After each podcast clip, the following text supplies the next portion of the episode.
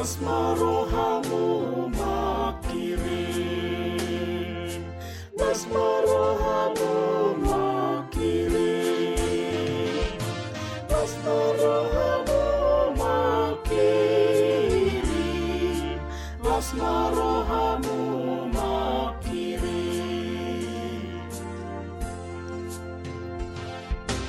Cukul hamu Cukul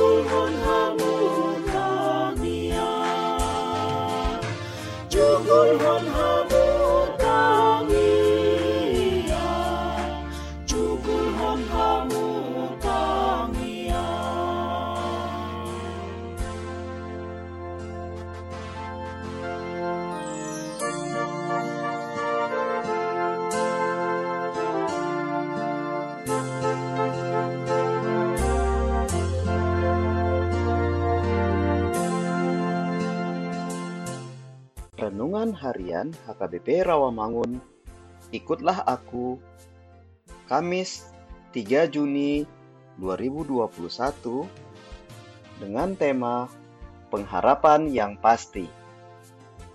Bacaan kita pagi ini tertulis di dalam 1 Samuel pasal 4 ayat 1 sampai 22 dan bacaan kita malam ini tertulis di dalam 1 Petrus pasal 4 ayat 7 sampai 19.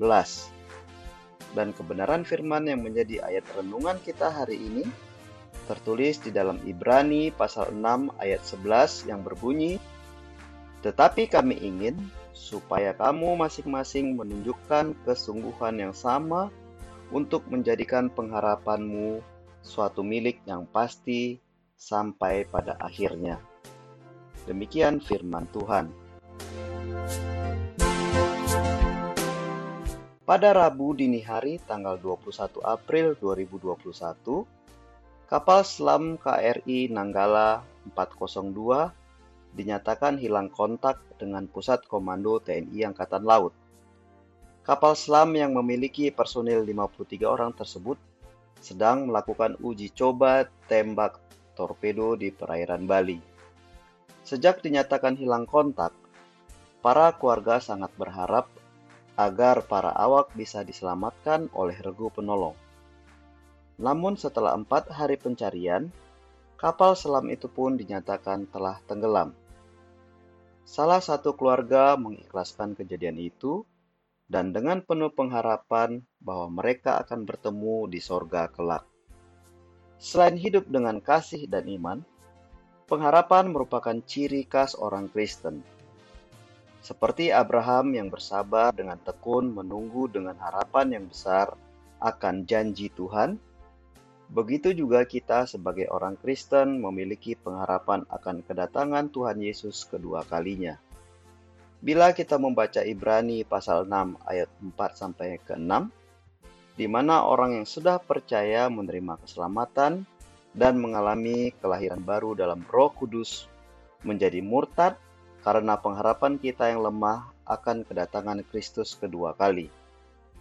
Kita mulai bersikap toleran terhadap dosa, kalah akan kenyataan dunia dibanding kenyataan kerajaan Allah, dan semakin membuat kita jauh dari ketaatan dan firman Tuhan.